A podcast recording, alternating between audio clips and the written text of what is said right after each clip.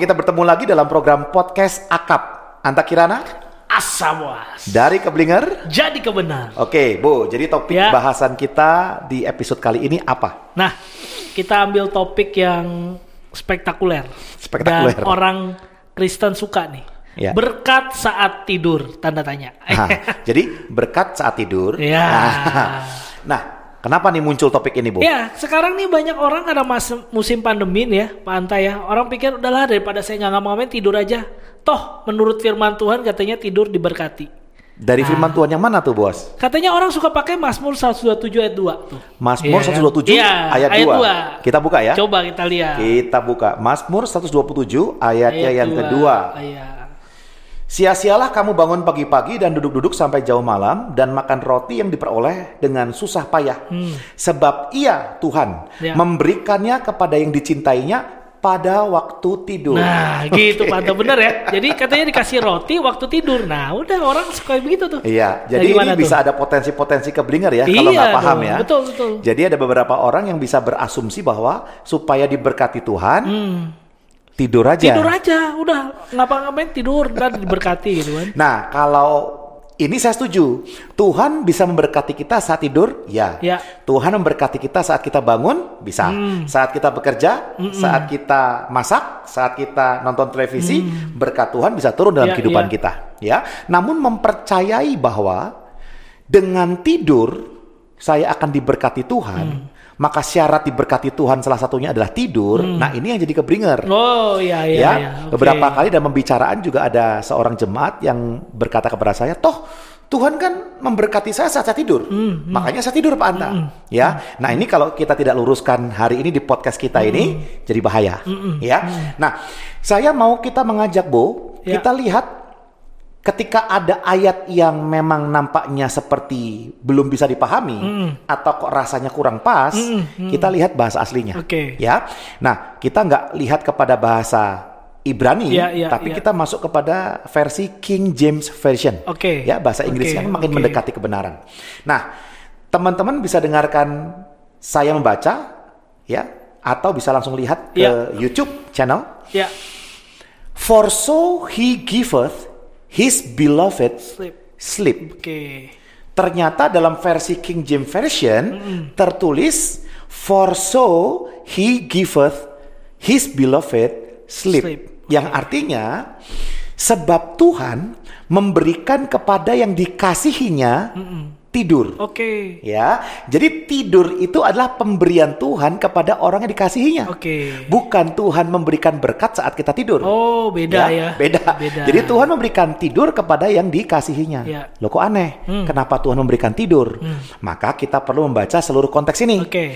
Kalau kita lihat Mazmur 127 ayat 1 dan kedua, menurut saya sudah cukup nih untuk melihat konteksnya. Judulnya kan berkat Tuhan pangkal selamat. Ya. Berarti ini bicara tentang berkat Tuhan, Yes. ya. Nah, ayat pertama dikatakan, jikalau bukan Tuhan yang membangun rumah, maka Hmm. sia-sialah usaha orang yang membangunnya. Jikalau bukan Tuhan yang mengawal kota, sia-sialah pengawal berjaga-jaga. Hmm. Lalu masuk lagi ayat kedua, sia-sialah kamu bangun pagi, Hmm. duduk sampai malam, makan roti dengan susah payah. Hmm.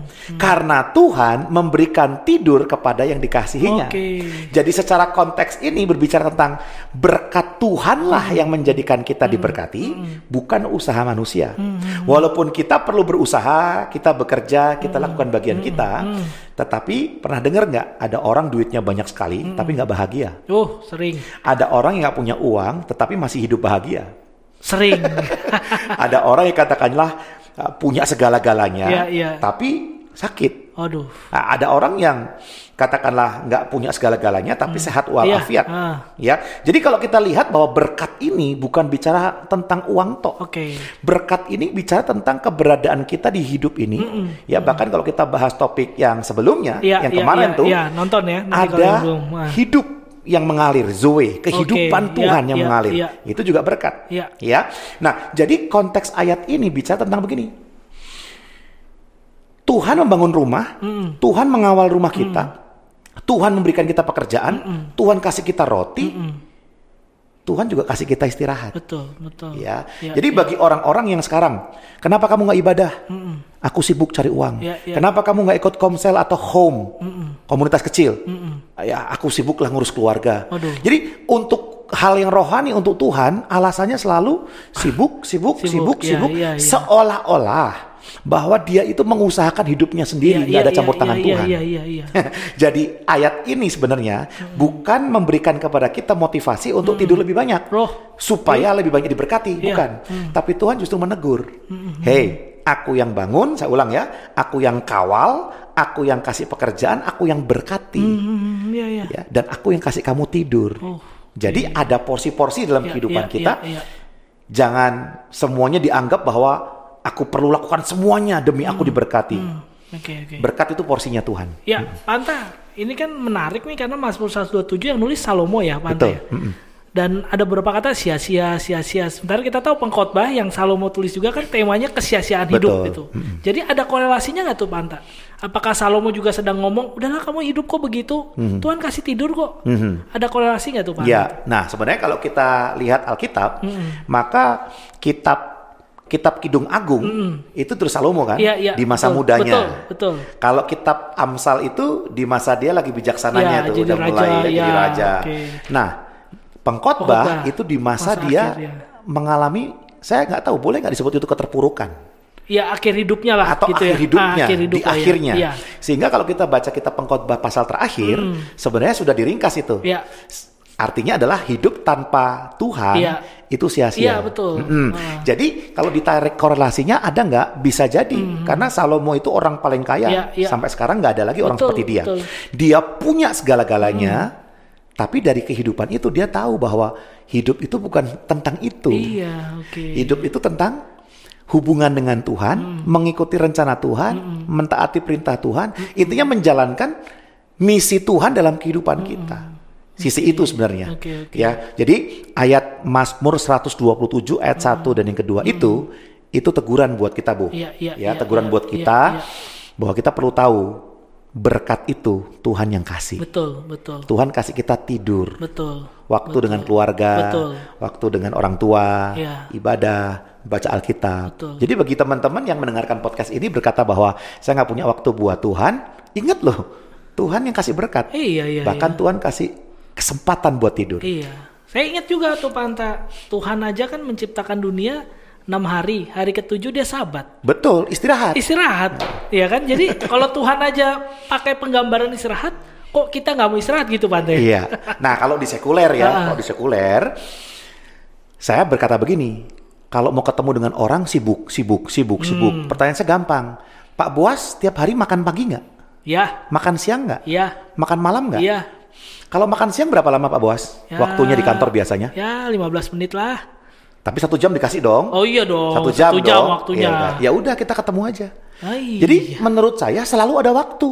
Iya. Makan siang satu jam, kita ngobrol 15 menit, makannya 45 menit, Iya. masih sisa banyak. Cukup, betul. Ha-ha. Jadi menurut saya di dunia sekuler, yang namanya sibuk itu mitos. Ah, sibuk ya, mitos. sibuk itu hanyalah sebuah alasan. Ya, ya, ya. Kalau hal itu penting, kita pasti akan lakukan. Hmm, Kenapa banyak orang berkata sibuk? Mungkin nggak penting buat dia. Nah, itu. Jadi kita mencari-cari alasan demi alasan, padahal dalam hati saya tahu bahwa itu nggak penting buat saya. Iya, iya, Kalau iya, itu penting, kita pasti berikan waktu. Oke. Ya, kalau ibadah penting, baca Iya, Alkitab penting, iya. dengarkan firman penting, Iya. beri- eh, bersosialisasi penting, kita akan berikan waktu. Tapi kalau nggak penting, muncullah alasan yang begitu rupa. Nah, kan repotnya pantai ya orang bilang dia nggak penting, tapi mau efeknya. Aha. Nggak penting, nggak penting, tidur nggak penting, istirahat nggak penting, beribadah nggak penting, tapi mau berkat. kan repot tuh pantai gimana pak? Ya itulah, itu sama seperti orang berdoa minta berkat, tetapi nggak pernah punya hubungan dengan Tuhan setiap hari. Nah, Ingatnya Tuhan kalau pas lagi butuh berkat. Nah, itu. Sederhana, ya kayak gini lah Bu. Gua malu nggak kenal, Heeh. tiba-tiba ketemu kenalan. Pak Bos ya.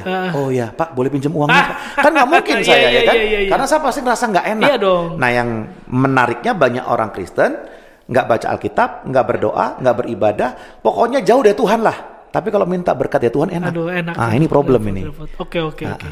Oke Panta, tolong disimpulkan dari podcast kita hari ini. Nah, supaya ke depannya nggak keblinger Ah. dan kita jadi kebenar, Kebenar, ah. maka kita perlu tahu bahwa Tuhan bisa memberkati saat apa pun, dalam Apa pun, kehidupan kita. yes. Tapi jangan berkata bahwa Tuhan memberkati kalau kita tidur. Oh iya. Bisa nggak? Bisa. Jangan dibatasi Tap- justru, ya. jangan dibatasi, jangan juga dijadikan syarat. ya. Ah, gue mau tidur aja lah supaya Tuhan berkati, ya kan? Tetapi sebenarnya Tuhan sedang berbicara kepada kita bahwa Dia memberikan kita tidur. So kalau ada waktunya tidur ya jangan kerja. Betul. Waktunya kerja ya jangan tidur. Waktunya ibadah ya jangan main. Iya. Betul, betul, Waktunya betul. main ya jangan ibadah. Iya, Intinya betul, begitu betul, kan? betul. Nah, sehingga segala sesuatu itu ada porsinya. Ada porsinya. Dan ingat, berkat itu datangnya dari Tuhan. Dari Tuhan. Bukan Oke. usaha kita. Siap. Ya. Thank you Panta. Tuhan memberkati kita semua. Thank you. Tuhan berkati.